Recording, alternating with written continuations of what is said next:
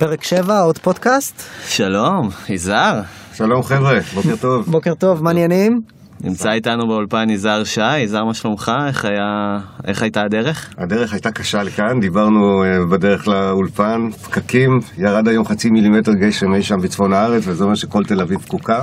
בואו נתחיל את הפודקאסט הזה בתלונה. כן, בדיוק, תל אביב, אה, התשתיות שלה עשויות, אמרתי ליזהר, מקשיות של טרופית, אז ככה, אז ככה היא מגיבה כשיש גשם. יזהר, ספר קצת למאזינים על עצמך. בשמחה. יזם הייטק, ככה התחלתי וככה אני מזהה את עצמי. הקמתי מספר חברות uh, בעברי, uh, שתיים מהן אפילו היו מגובות על ידי קרנות uh, הון סיכון, כך שעברתי חלק משמעותי מהמסלול שאותו עוברים היזמים שמגיעים אליי, וחשוב לי תמיד לזכור מאיפה באתי, כי זה חשוב בקונטקסט של לדבר עם יזמים ולהבין את האתגרים שהם מתמודדים איתם.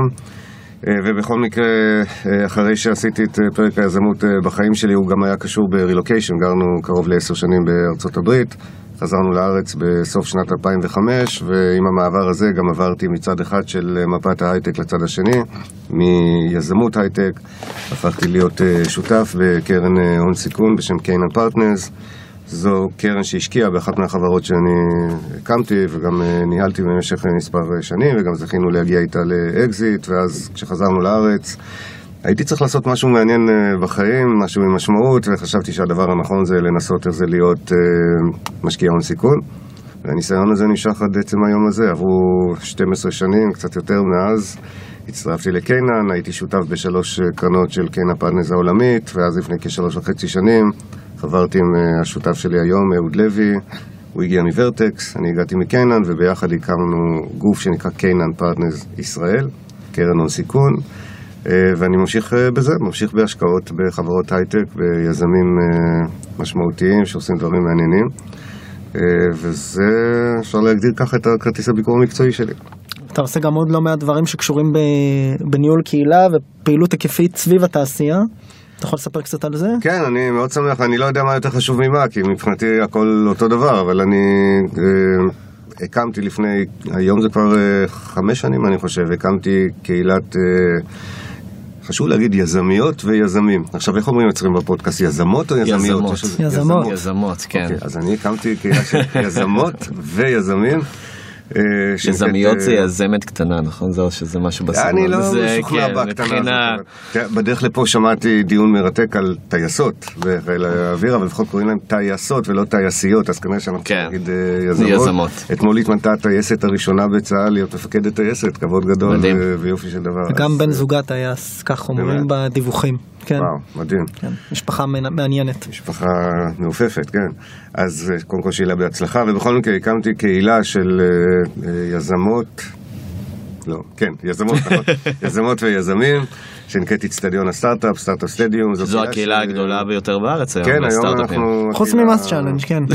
חוץ מ MassChallenge, וכבודכם במקומו מונח, ואתם... מבחינת עוקבים בפייסבוק יש לכם 24 אלף עוקבים, למה אתה משמיץ? 42 אלף. 42, וואו. קצת יותר מ-42 אלף איש. זה הכנה לבולה, שייזר.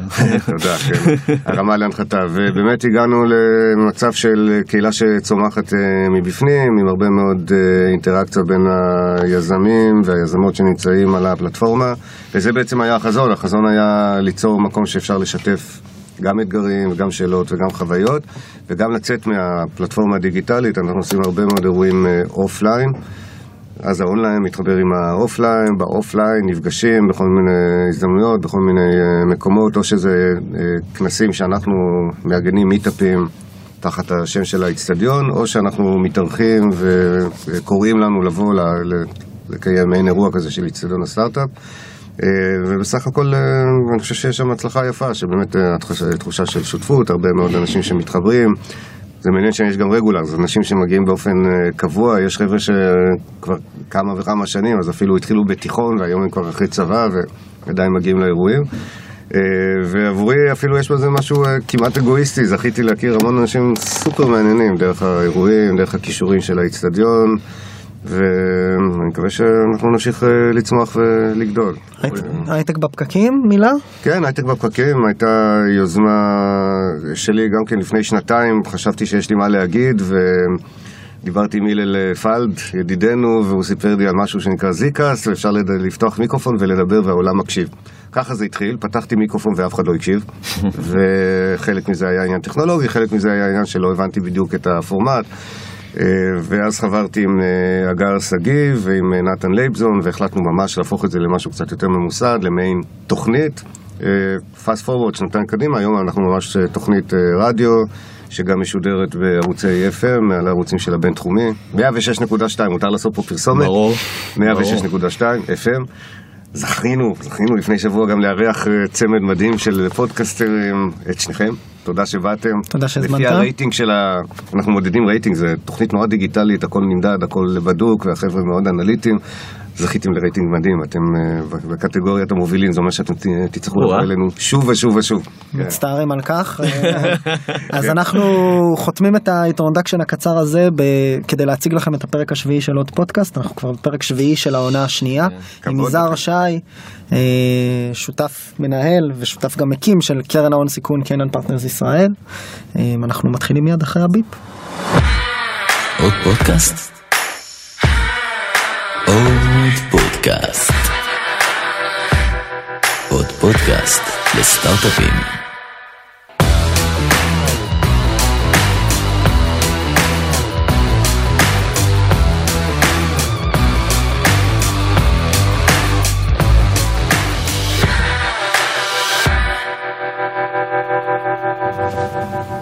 חזרנו, נזהר מה שלומך? כיף להיות פה. בהחלט. ממש כמו שהיה לפני חמש דקות, רק עוד יותר כיף. רק עוד יותר כיף. טומי, אתה רוצה להתחיל עם שאלה או שאני אתחיל? אז קודם כל אני, אני מניח שאנחנו נתחיל בסיפור האישי שלך כי, כי מה שאותי מעניין בהמשך הדרך זה המוטיבציה ואיך אתה משלב את כל הדברים אבל זה, זה אנחנו נתקדם ונתחיל קודם כל להבין ולפצח את הדמות שלך. אה, איך התחלת? וואו, אמ, תקשיב, זה נושא מורכב וארוך, ולא בטוח שהוא נכנס בסקופ של תוכנית, אה, של, של פודקאסט אה, טכנולוגי, כי צריך ללכת לשורשים, אבל אה, אני בכלל קיבוצניק, אז קיבוצניק בשורשים, יכול להיות שיש בזה משהו. ההורים שלי עזבו קיבוץ כשאני הייתי בן שלוש, אז הנושא הזה של תנודה, ללכת, לחפש עתיד טוב יותר, עתיד משמעותי יותר וכולי, התחיל עוד אצל ההורים שלי כשהם עזבו את אה, סיר הבשר שלהם ועלו לישראל כדי להקים קיבוץ ואחרי זה הם עזבו אותו כדי לעבור לירושלים ואז גדלתי בירושלים בעצם אז הנושא הזה של מעבר ולעשות דברים וכולי הוא איכשהו טבוע בגנטיקה המשפחתית. אה, אבא שלי, שיהיה בריא, נעשה יזם בגיל 50 אומנם לא יזם הייטק, כי כשהוא נעשה יזם עוד לא היה ממש הייטק, אבל כשהוא היה בן 50 הוא אסף את המשפחה, היינו משפחה קטנה, שני אחים, ואימא שלי, והוא ואמר, אני החלטתי וזה, ואני עוזב משרד אה, ממשלתי ופנסיה וכל מיני דברים. אמ, ואז אה, אח שלי, שבדיוק השתחרר מהצבא, הציע לו, היו לו כל מיני חסכונות מצבא הקבע וכולי, אז הוא הציע את החסכונות שלו כדי לתמוך ביזמות, ולי היה עוד כסף קצת מהבר מצווה, אני יותר צעיר, אז אמרתי שאני מציע את הכסף שלי, את הכסף שלי, הוא לא לקח את הכסף שלנו, אבל נעשה יזם. אז הקטע הזה של... ללכת ולעשות דברים יזמיים וכולי, אני חושב שלא אני המצאתי, זה איכשהו טבוע ב-DNA. אמ, אני אחרי הצבא הלכתי ללמוד בטכניון, חשבתי שהחלום של החיים שלי זה להיות uh, מהנדס uh, אלקטרוניקה. האמת היא, בתור ילד ממש חלמתי על זה, בניתי קיטים, עשיתי דברים. ואז הלכתי ושנה שלמה מהחיים שלי הייתי מהנדס, הייתי מהנדס לא רע בחברה מפוארת בשם מוטורולה. מכירים שהיה פעם דבר כזה, מוטורולה? מוטורולה. מוטורולה, החברה שהמציאה את הסמארטפון ואת הטלפון, לא את הסמארטפון, את הטלפון הסלולרי. תחשבו, היה פעם עולם כזה, אבל אה, אז פעם זה היה כאילו, כשהתקבלתי, זה היה, וואו, אתה הולך לעבוד נניח בגוגל או משהו כזה, לא הייתה גוגל, לא היה, וואי, איך זה נשמע זקן. רגע, בוא נתחיל את זה מההתחלה. אה, אז הלכתי לעבוד במוטורולה, ואחרי שנה הבנתי שאני יותר אה, בעניין של לעבוד עם אנשים, ולעבוד עם... אה, החוצה מהעולם הסגור הזה של מחשב וכולי, למרות שהייתי מהנדס לא רע, אני חושב, לפי הפידבקים, קיבלתי אפילו בונוס בסוף השנה הראשונה, ונהניתי מזה מאוד, ואז הלכתי למסלול יותר של עבודה מול לקוחות, שיווק, פיתוח עסקי וכן הלאה.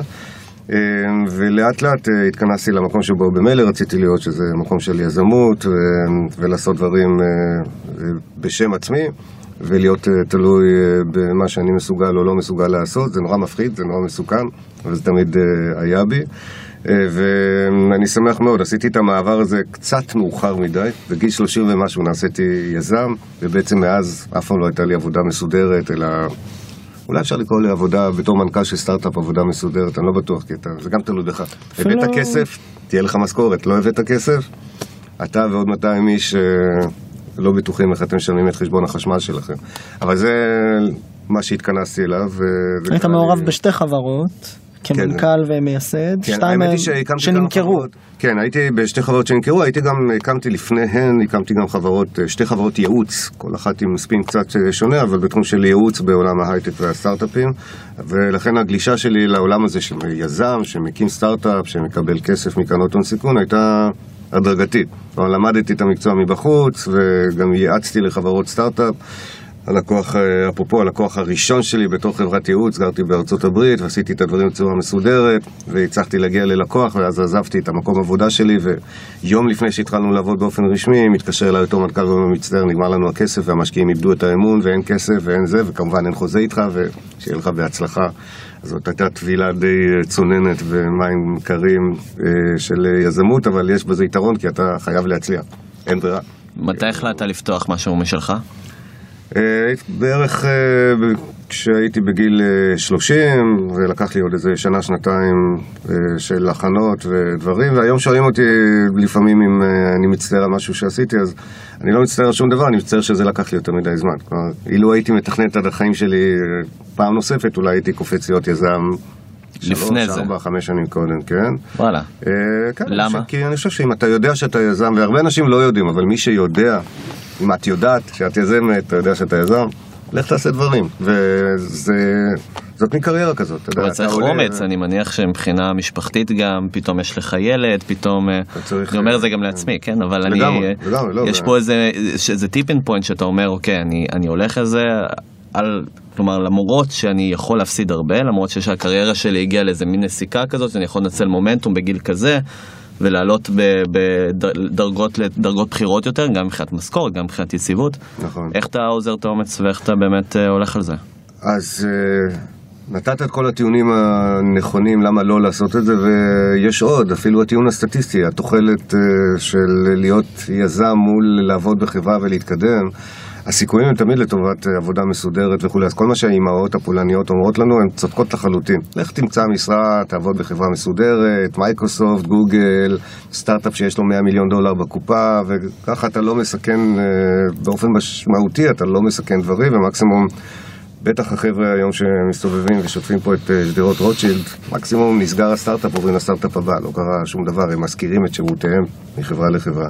אבל אם יש לך אופי יזמי, אז קשה מאוד uh, להתמודד עם זה. אז uh, תלך לעבוד בעוד חברה, ואחרי זה עוד uh, משרה כזאת או אחרת.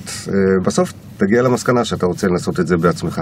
ואם אתה חושב שתגיע למסקנה הזאת, אז עדיף להגיע למסקנה כשאתה בן 25-30, ואולי אפילו בן 18, לא חשוב. אה, ראיתי בדיוק תמונה של אה, ג'ינו אצלכם פה. אז כן. יש כאלה שמגיעים ל... כולנו הרגשנו רע אחרי שהבנו לאן הוא הגיע בגיל 17. יפה, אז... אה, אבל כנראה שהוא יודע, הוא יודע שזה האופי שלו, והוא יודע שזה מה שצפוי לו.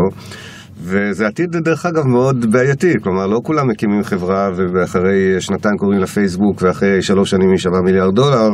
רובנו מקימים חברות ונלחמים וחורקים שיניים ואין כסף ואין משכורות ואין משקיעים ואין שום דבר ועדיין אנשים עושים את זה לעצמם אבל אם אתה יודע שזה המסלול שבחרת בו, אני חושב שיש איזה מין תובנה כזאת שאתה מגיע אליה, שזאת דרך חיים. אז לפעמים יהיו עליות, ולפעמים יהיו ירידות, ולפעמים יהיה טוב יותר ויהיה פחות טוב, ואם אתה מוכן ללכת על זה, תלך על זה, וזה מסלול חיים, וזאת הקריירה, ואז הרבה פעמים אתה גם לא מסתכל ימינה או שמאלה, אני גם רואה יזמים שעושים את זה פעם אחרי פעם אחרי פעם, כשהם עושים את זה בפעם השלישית רביעית זה כבר לא בגלל הכסף, זה, זו דרך חיים, זה משהו שאתה עושה, כי ככה אתה צריך איכשהו למלא את החיים בין גיל 20 לגיל 80-90, נכון?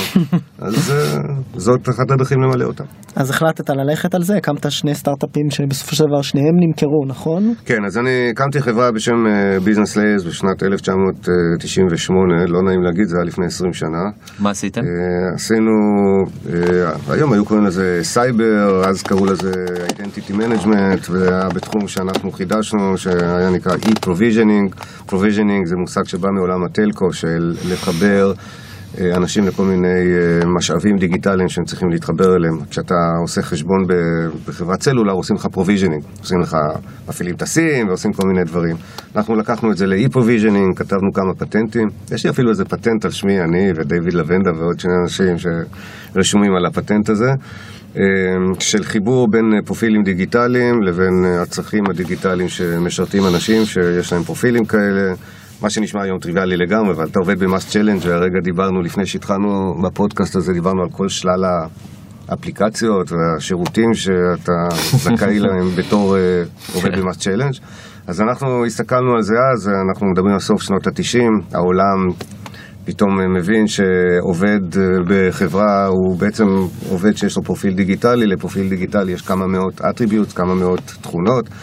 למה מותר לך ומה אסור לך לגשת, אם אתה בתפקיד ב-HR, יש לך זכות להסתכל על ה server של משכורות ו- ורייטינג של עובדים, ואם אתה עובד בשיווק, אתה יכול להסתכל על תוכניות וכל מיני זכויות גישה וכל מיני אמ, דברים שקשורים בפרופיל שלך. כל הדרך עד לקונפיגורציה אפילו של, של firewall, שמאפשר לאנשים להיכנס פנימה והחוצה. והחזון שלנו היה לקחת את הפרופיל הדיגיטלי של בן אדם, ללחוץ על כפתור. ואז כל הארגון הדיגיטלי שמשרת את, הארגון שמעליו עובר קונפיגורציה בהתאם. אה, לקח אה, די הרבה זמן והשתמשנו בכל מיני טרנדים אה, טכנולוגיים כדי להגיע למצב שלקוחות גדולים באמת הסכימו לעבוד איתנו. היו לנו לקוחות כמו חברת ויזה העולמית והבנק הפדרלי של ארה"ב ועוד כל מיני בנקים ו...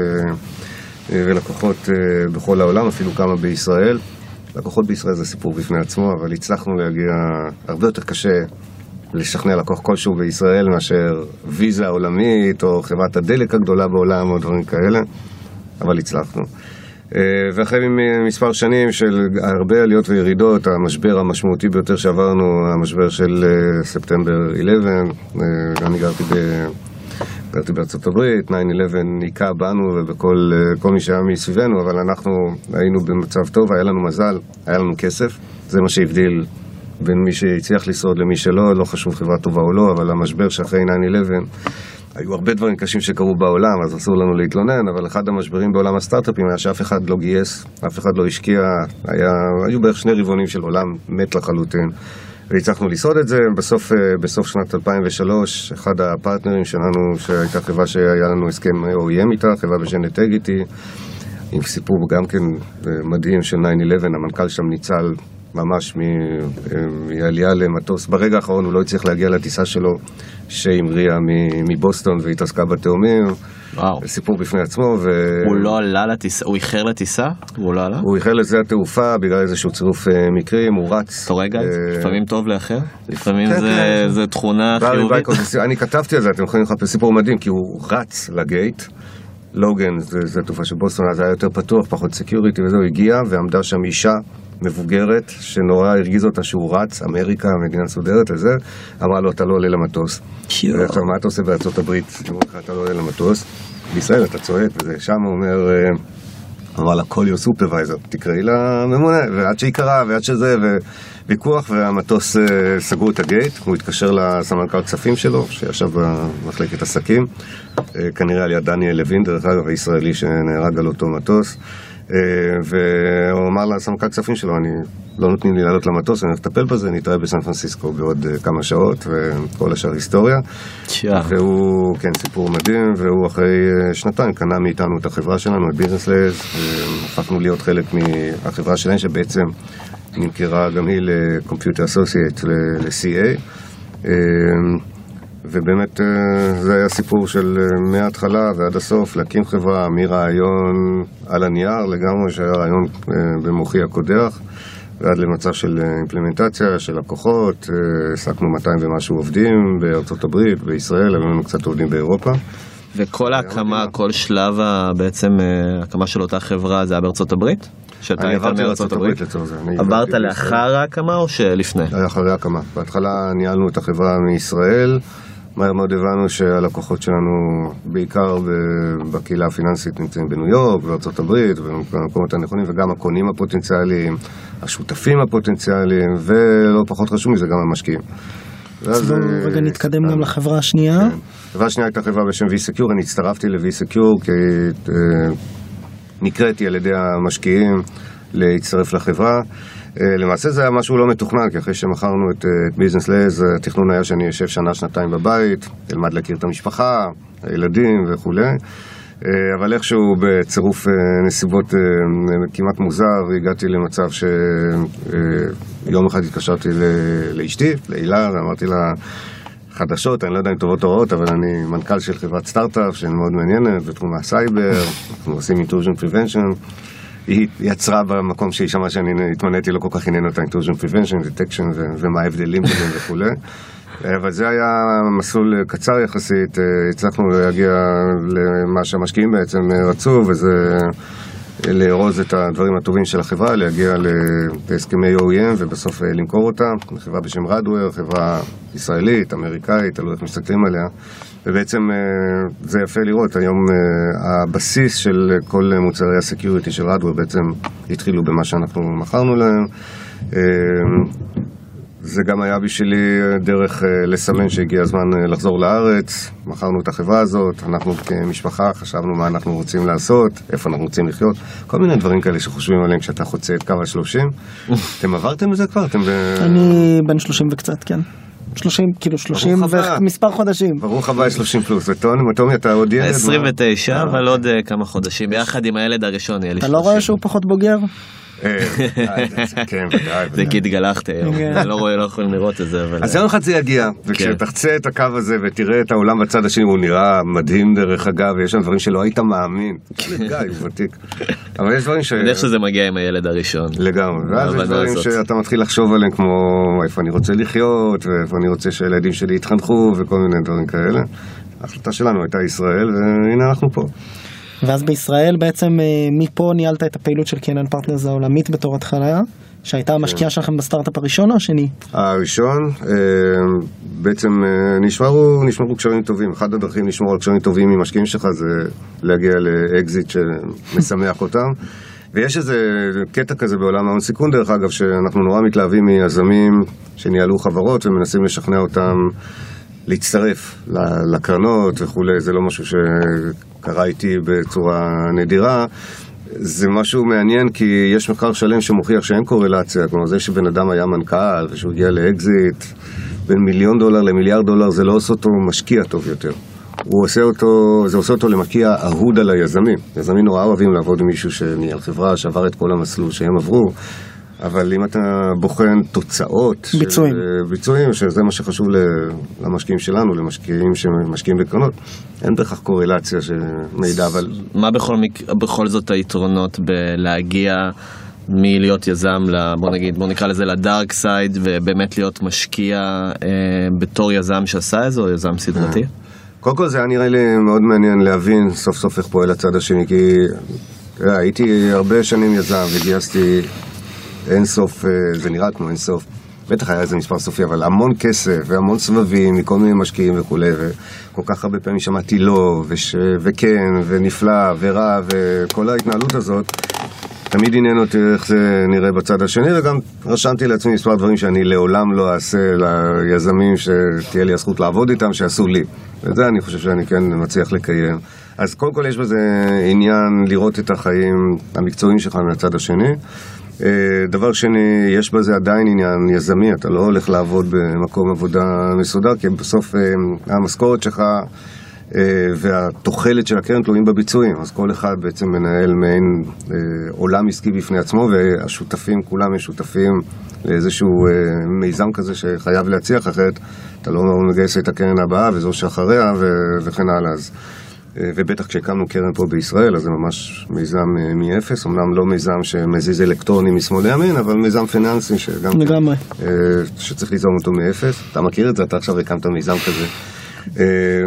ועכשיו, אה, מעבר לזה, אבל יש גם עניין אה, אינטלקטואלי, תקשיב, אני, מה העבודה שלי? אני כל יום שומע אנשים מבריקים, עם רעיונות מטורפים, שחלקם גם מטורפים ויישארו ככה, וחלקם רעיונות שישנו את העולם, וזה דברים אה, שהם די מדהים להיות במחיצתם, כי זה כל הזמן אתגר אינטלקטואלי עכשיו.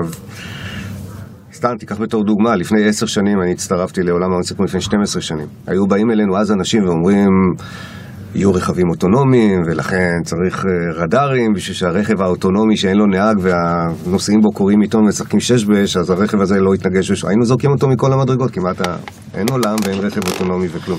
דרך אגב, גם מובילאיי אז לא התעסקה ברכבים אוטונומיים, התעסקה בסייפטי וכולי.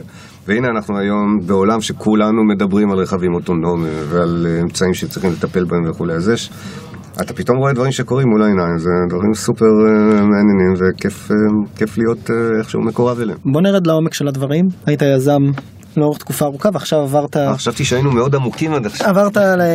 לא, לא, לא, כ... לא כשאלה תוכחתית, בסוף יש איזשהו, יש זהות אינטרסים מובהקת בין יזמים למשקיעים באלמנטים מסוימים, ויש גם ניגוד אינטרסים מסוים. אתה יכול להתייחס לזה בתור מי שראה את שני הצדדים? כן, אני חושב שזה אחד מהנקודות ה... החשובות והכואבות. חייב, אה, חייבת להיות הבנה של מהם האינטרסים המשותפים, ואם אין הבנה זה הרבה פעמים מתכון לכישלונות ולהרבה מאוד אה, כאבי לב. אה, בסוף משקיעים, ואני אגיד פה משהו בצורה נחרצת, כי אני חושב שמשקיעים, במיוחד בישראל, משתדלים לעטוף את זה בכל מיני דברים אחרים שלא נכונים. משקיעים צריכים להרוויח כסף עבור מי שנתן להם כסף להרוויח. אתה יודע, אנג'ל שמשקיע בחברה וזה הכסף שלו ולא אכפת לו מהחזרים וכולי, הוא יכול ואני מכבד את זה, יכול לעשות מה שנראה לו נכון. משקיעים במתודולוגיה של קרנות הון סיכון, לוקחים כספים מאחרים, בדרך כלל ממוסדות מכובדים, מקרנות פנסיה וכאלה, והם חייבים לייצר תשואות. ואסור להסתיר את זה, ואסור uh, לעטוף את זה בכל מיני uh, ניירות uh, מתקתקים לא נכונים. זו המטרה של קרן הון סיכון, היא כלי פיננסי שמייצר תשואות. הוא מייצר אותם בדרך מאוד יפה, בדרך שמעודדת חדשנות, בדרך שעובדת עם מיטב המוחות וה, והיזמים במדינה שבה הקרן הזאת נמצאת וכן הלאה, אבל בסוף המטרה היא לייצר תשואות. יזם שלא מבין את זה, הרבה פעמים מגיע לתקלות מול הקרן שאיתה הוא עובד, ולכן אני חושב שצריך לייצר את המסמך הבנות הווירטואלי הזה מראש. איפה פה הפער? שיזמים לא מבינים שמה? שלא משקיעים בהם כי? לא, אני חושב שזה... בוא נתחיל במקרה החיובי שכן השקיעו בך, ופתאום יש הצעת אה, רכש של החברה, ובואו ניקח שתי דוגמאות. יש הצעת רכש של החברה, עבור ה-VC זה נראה כמו הצלחה יפה, לא יודע, הוא עושה פה פי שלוש, פי ארבע על הכסף תוך שנתיים, היזם חושב שאפשר לגדל את החברה הזאת עוד קצת. הנה קונפליקט, ולא בטוח uh, מידו של מי תגבר בקונפליקט הזה, לא בהכרח הולכים לבית משפט הזה, אבל אפשר להבין למה זה רוצה למכור וזה לא רוצה למכור, ודרך אגב יכול להיות מקרה בדיוק הפוך. מקבלים הצעת רכישה, בואו ניקח מקרים שקורים כמעט כל יום במדינת ישראל, יזם הקים חברה, קיבל מימון של 3-4 מיליון דולר מ-VC, סבב ראשון כזה, ויש לו נניח שלאותו...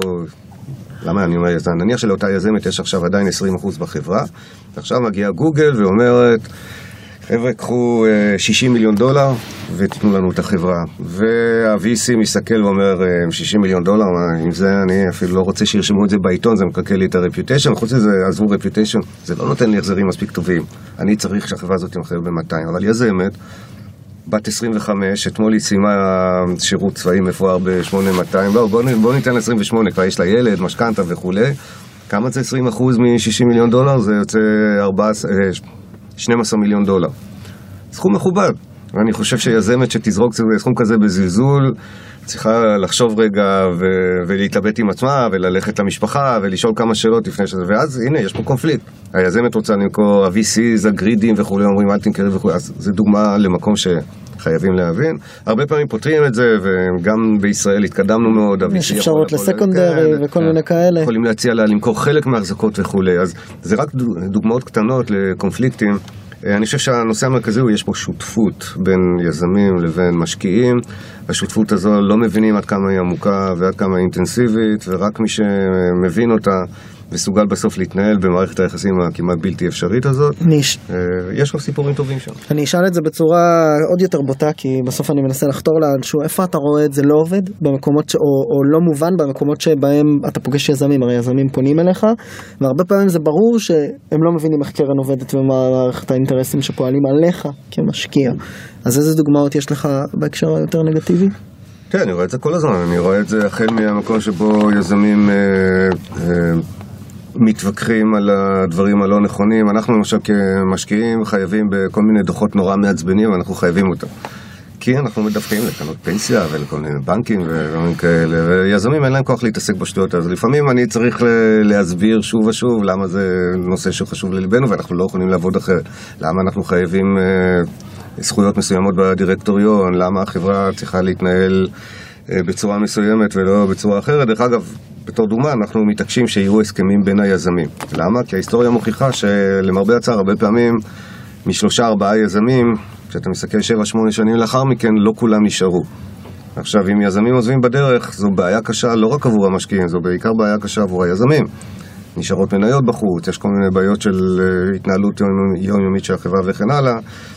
יזמים הרבה פעמים לוקחים את זה בצורה רגשית, כי אני באתי עם שלושת החברים הכי טובים שלי, ואנחנו היינו ביחד ב-8200, ולחמנו ביחד באויב הסורי, ואנחנו באים אליך, אדון משקיע, אנחנו אומרים לך שיהיה בסדר, ואתה טוען שסטטיסטית כנראה יש סיכוי שלא יהיה בסדר. Mm-hmm. זה יוצר מתח, זה יוצר קונפליקטים, לא פשוט uh, לגשר עליהם, אבל אני לפחות בגישה של... Uh, uh, גם להסביר כמה שיותר וגם ליצור uh, קווים משותפים, ואם אין כאלה אז זה לא נורא, אז תעבדו עם מישהו אחר. אנשים צריכים להבין שהם עובדים בסוף עם אה, משקיע, זה נקרא לעבוד ביחד. ונקרא לשתף פעולה וכולי. אני רוצה לנצל פה את התמונה שציירת, כי אתה כן מצייר כאן תמונה מאוד פרגמטית של איך השקעות עובדות ואיך משקיעים עובדים, אבל בכל זאת אתה נחשב לסוג של עוף מוזר בתעשייה בצורה הכי חיובית שיש, כלומר אתה בחיכוך עם השוק, אתה אאודר, יש לך תוכנית ברדיו, יש לך קהילת הסטארט-אפים הכי גדולה, אתה מעורב בכמה טק, אתה מעורב בכל אקסלרטור שיש, אני הייתי סטודנט, אתה היית אולי אחד מהאנשים הכי נגישים אה, שאפשר להביא אותם להרצות בפני סטודנטים, או בכל מקום. אמ, ובכל זאת, מול הנקודה הזאת, הדיסוננס הזה של ההשקעות שהן מאוד מאוד פרגמטיות ואנליטיות אפילו, איך אתה רואה את הערך הזה של קהילה ואיך אתה רואה את הערך של להיות בשוק בצורה כל כך, אה, בצורה שיכולה להכניס גם deal flow לקרן או יכולה לקדם אותך? כן, אז אני חושב שאני מכניס את האופי שלי ומה שחשוב לי לכאן, וחשוב שתבין את זה בהקשר הזה, אני חושב ש... עוד פעם, אני מדבר על קורלציה. משקיע, אה, בוא נלך על קיצוניות, משקיע מבודד מהשוק, ארוגנט, קשה מאוד להגעה אליו. אה, כל מה שאתה, עוד כמה דברים רעים, מתנהג לא יפה ומאוד אגרסיבי ומאוד בוטה וצועק עליך בישיבות בורד וכולי. זה אולי משקיע שאתה לא אוהב אותו, אבל אולי הוא לא בהכרח משקיע פחות טוב. אני עכשיו כבר שונא אותו, אתה יודע, לא, לא רוצה משקיע כזה אצלי, וגם לא רוצה להיות שותף שלו בבורד שבו אני, השקענו ביחד באיזה חברה. אבל זה לא אומר שהוא משקיע פחות טוב, כלומר, הוא יכול להיות שהוא ייצר תשואות לא פחות טובות עבור המשקיעים שלו, ואתה כיזם צריך להבין את זה. עכשיו, בסוף זה בחירה של יזמים, ואני רוצה לחשוב שהיזמים שבחרו לעבוד איתי זה כי הם הסתכלו על כל המכלול, ו... וראו את כל הדברים, והבינו שזה מה שאני וזה מה שאני עושה.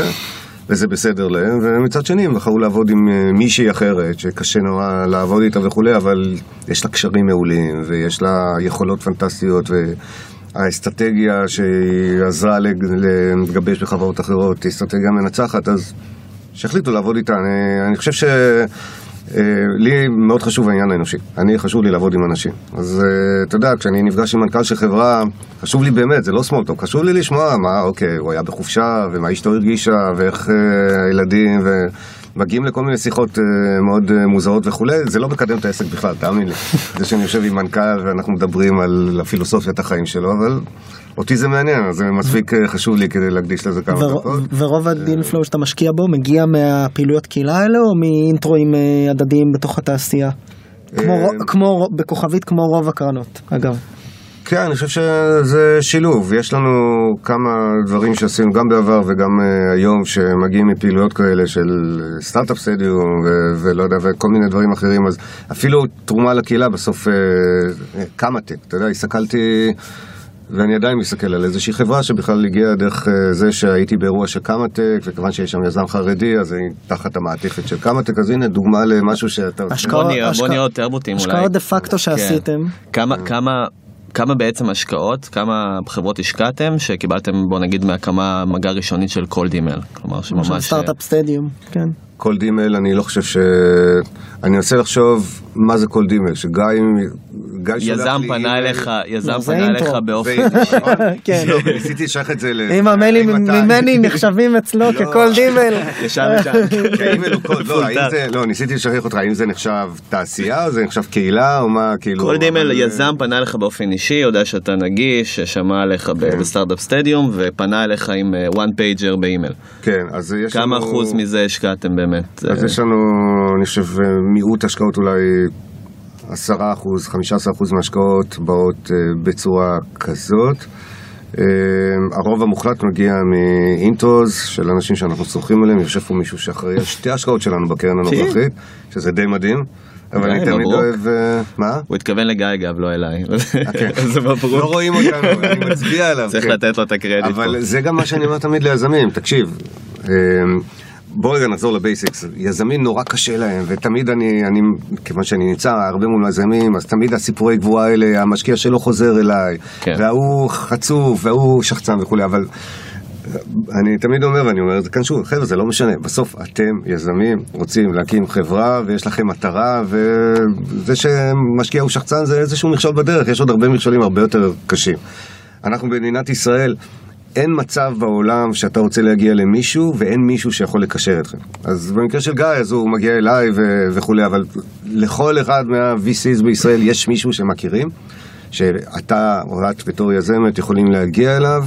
ותעשו את זה, זו עבודה קשה נכון, אבל הרבה יותר קשה להקים חברה והרבה יותר קשה לגייס כסף, אז למצוא מישהו שמכיר מישהו, בישראל זה מקסימום דרגה אחת של ספריישן, ממש. אז אני חושב שזה עדיף. ו...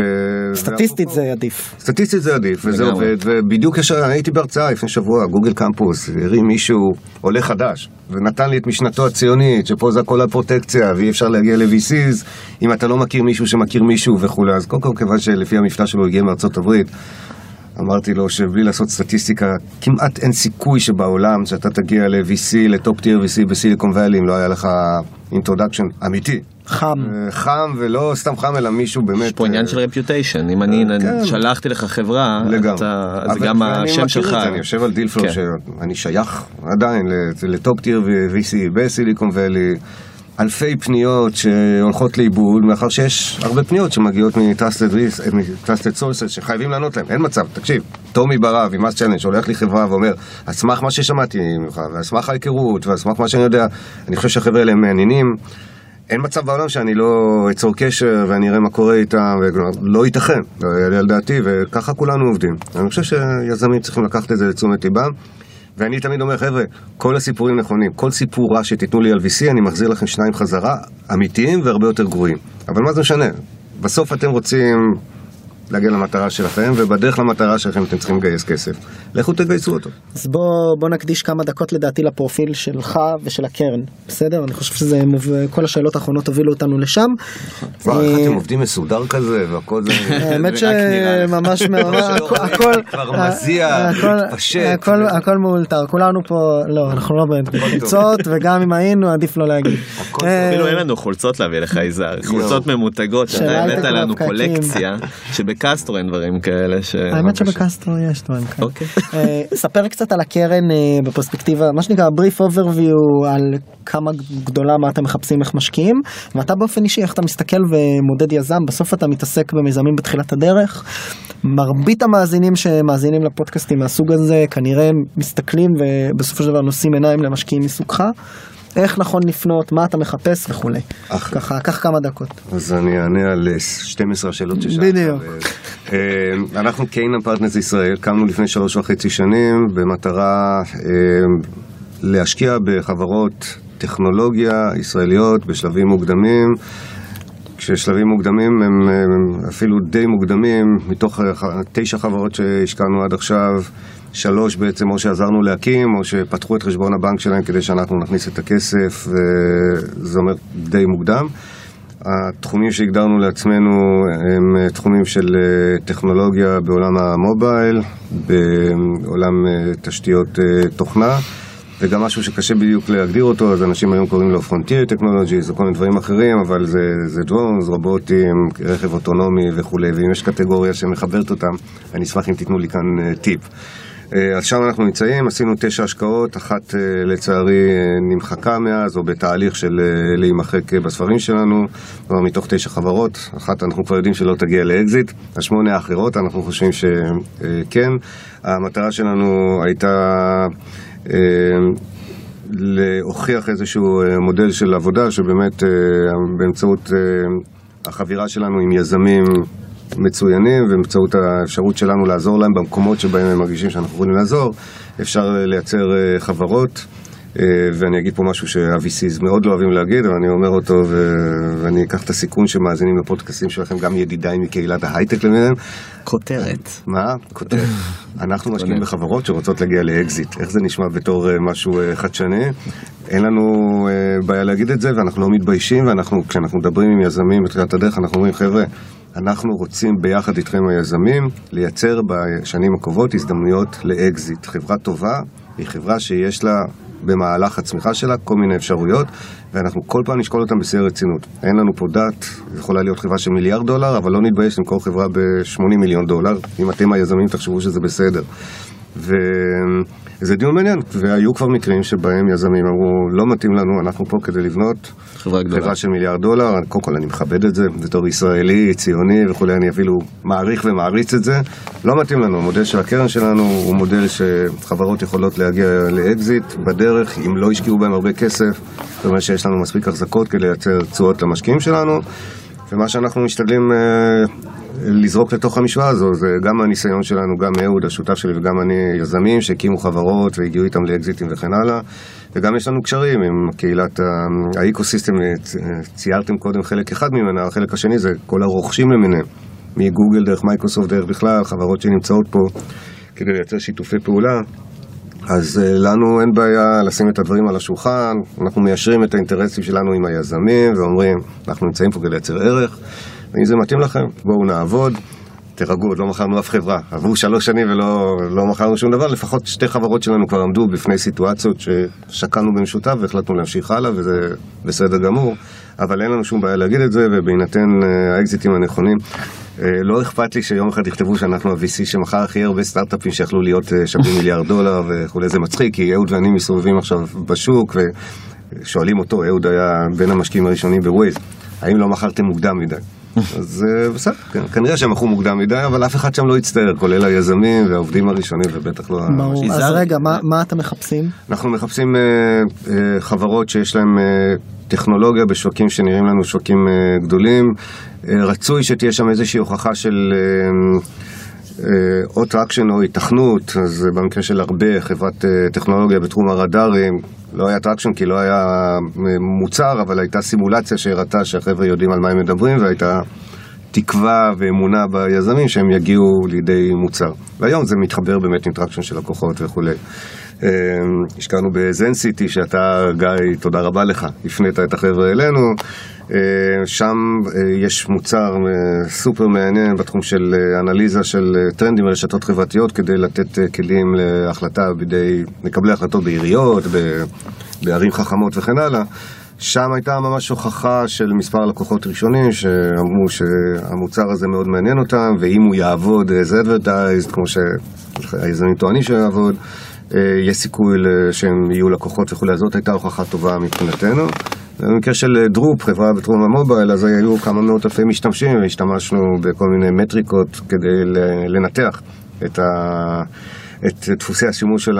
של החבר'ה, של... החבר'ה של המשתמשים למיניהם, וככה השתכנענו שיש פה משהו מאוד uh, משמעותי. זה היה הימור מטורף, עדיין הימור מטורף, למרות שהחברה נראית, נראית טוב מאוד.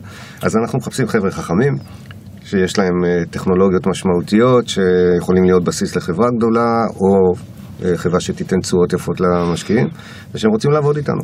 יזהר, בתור משקיע שיש לו insight מאוד חזק על השוק האמריקאי, מה הייחודיות של הקרן ברמה הזאת לייצר דמוקרטיזציה ליזמים אה, ישראלים שבעצם רוצים להגיע, או שאתם זיהיתם שהם יכולים להגיע לשוק האמריקאי? אני לא בטוח שהבנתי את השאלה, אז אני אענה כמו שאני הבנתי. איך אתה רואה את היתרון בעצם של הקרן לאפשר ליזמים להגיע לשווקים אמריקאים? אה, כן. מבחינה שמה שהקרן מציעה, מה שקרן מציעים. אז חשוב לי לציין שאנחנו בעולם שונה מהעולם שבו אני התחלתי. השאלה הזאת הייתה שאלה חד משמעית בשנת 98, כשהקמתי את החברה שלי היה ברור שהשוק האמריקאי. אנחנו היום מסתכלים על השוק הסיני באותה רמה של עניין, ויש לנו uh, קשרים עם המשק... דרך המשקיעים שלנו ועם המשקיעים שלנו בשווקים בינלאומיים מאוד גדולים, גם באירופה, גם. במזרח וגם בארצות הברית. אמ, אחד המשקיעים בקרן שלנו זו חברת לנובו, חברת היום, חברת המחשבים הגדולה בעולם, ויש להם כמובן פריסה מאוד רחבה בארצות הברית, אבל יזם, יש לנו חלק מהחברות שלנו שיש להם עניין גדול בשיתוף פעולה עם חברה כמו לנובו, שם יש לנו אה, אה, קשרים שהם אה, לא פחות חשובים מהקשרים בארצות הברית. Mm-hmm. קשרים בארצות הברית הם קשרים אה, מובנים, אנחנו עובדים עם קיין הפרטנרס העולמית שמשקיעה היום היום, בימים אלה משקיעה רק בארצות הברית. אה, רק דרך Canaan יש לנו access לסדר גודל של 500 חברות שעברו דרך Canaan, כ-60 מהם חברות ציבוריות. השאר חברות שנקנו על ידי כל מי שאתה יכול לחשוב עליו, מייקרוסופט, אה, גוגל, סיסקו, אה, you name it, פייסבוק וכן הלאה, אז יש לנו access למקומות האלו. זה עוזר במקומות מסוימים שבהם יזמים צריכים access, צריכים גישה וצריכים קשרים. אה, אבל אני גם פה, אני נמנע מלהבטיח יותר מדי, כי אני חושב שההבטחות שכולנו כתעשיית ה-VC נותנים ליזמים, הם... פעם כתבתי על זה וספגתי קיתונות של ביקורת, כתבתי משהו, הלכתי ובדקתי מה אנחנו ה-VCs רושמים על עצמנו, וכיוון שהכל רשום באנגלית, תרגמתי את זה לעברית, וזה נשמע פשוט כמו בדיחה, זה פשוט נורא. אנחנו נעזור לך, אנחנו נעבוד בשבילך, אנחנו נקיים בשבילך, אנחנו, אנחנו ואנחנו ואנחנו, ונראה לי די משעשע גם מה שאנחנו אומרים על עצמנו כתעשייה. וגם זה שיזמים מאמינים לזה נראה לי עוד קצת, אה, קצת יותר מגוחך, אז אני חושב שצריך כן. להכניס דברים לפרופורציות. אנחנו משתדלים לעזור איפה שאפשר. יש שאלה מאוד אישית, אבל אתה יכול, אה, אני יכול? כן, שאלה אחרונה. אז שאלה מאוד אישית, ואני באמת, אה, אתה יכול להימנע גם מזה, אבל אתה... אני באמת חוזר לעובדה שאתה באמת מוביל דעה פה בתעשיית ההייטק הישראלית, יש לך חיכוך מאוד מאוד גדול עם הרבה גרומים. למה לא לקחת את זה לפוליטיקה? באמת שאלה אישית. כן? אה, כן. אני לא יודע. את האימפקט שלך וכמובן מה שאתה עושה כאן. כן, תראה, נורא חשוב לי דברים שקורים בישראל, לכן אולי זאת שאלה טבעית בכיוון ההוא, אבל אני לא בטוח שמה שאני עושה היום בהייטק אפשר למפות באחד לאחד לפוליטיקה. אה, זה skill set שונה לחלוטין, זה צורת אה, חיים וצורת התנהלות שונה לחלוטין. ואתה יודע, לצערי הרב, אה, אנחנו רואים מה קורה לאנשים שהולכים לפוליטיקה, ואנחנו רואים גם את דרך ההתנהלות שלהם. החדשות הטובות שהיו כמה אנשים טובים בהייטק הישראלי שהלכו לפוליטיקה הישראלית, חלק מהם נכוו וברחו וחלק מהם נשארו שם. אני לא בהכרח מסכים עם דעותיהם הפוליטיות, אני חושב שאפשר אה, לטייב את מה שקורה שם. אני רחוק מזה, אני כמעט במובן האגואיסטי, אני מאוד נהנה ממה שאני עושה היום, כדי להחליט ללכת לשם. זה, וואי, זה סטארט-אפ חדש, זה משהו ש... שעוד לא, לא הגיע לש... ל... יודע, לשיקול אמיתי, כיוון שהשאלה הזאת תמיד עולה, אני עוד רחוק מהחלטה כזאת, אם בכלל. כן. Okay. מעולה, אז בנימה אופטימית זו, או פסימית, אני ציפיתי שהוא יגיד שאתה שהוא... אני ציפיתי אה, שהיום הוא מודיע ואנחנו מצביעים ומריצים אותו קמפיין עכשיו. אני רוצה, בפודקאסט הזה אני רוצה להודיע, אני תכננתי לעשות פה משא ומתן למספר 2, אבל בסדר, אני מבין את זה. אפילו 3 הייתי. עושים את זה מאחורי הקלעים, טומי. אה, אז חברים, בנימה זו, יזהר שי לא הולך לפוליטיקה, הוא משקיע הון סיכון בשלבים מוקדמים והוא סיפר לנו קצת על המסלול. המסלול שעבר וגם על מה הוא מחפש ואיך הקרן עובדת. תודה רבה שהייתם איתנו בפרק השביעי. תודה, ישי. זה היה כאילו שילוב, בגלל שלא היה לנו זמן ניסיתי לחבר בין שניהם, אז זה היה לי איז שי. מותר לי להגיד לכם משהו? בטח. תודה רבה לכם, קודם כל תענוג להיות פה, ודבר שני, אתם כל הזמן נותנים לי מחמאות, אבל תסתכלו על עצמכם במראה, אתם עושים דברים מאוד חשובים. עבור האקוסיסטם ועבור היזמים ועבור כל המערכת בישראל, כל אחד מכם במה שהוא עושה, MassChallenge, Fusion LA, יצרתם דברים ו- ועשיתם דברים וגם שניכם ביחד בחיבור, אז תמשיכו ככה, כל הכבוד לכם. תודה רבה. תודה רבה. תודה. חברים, תודה.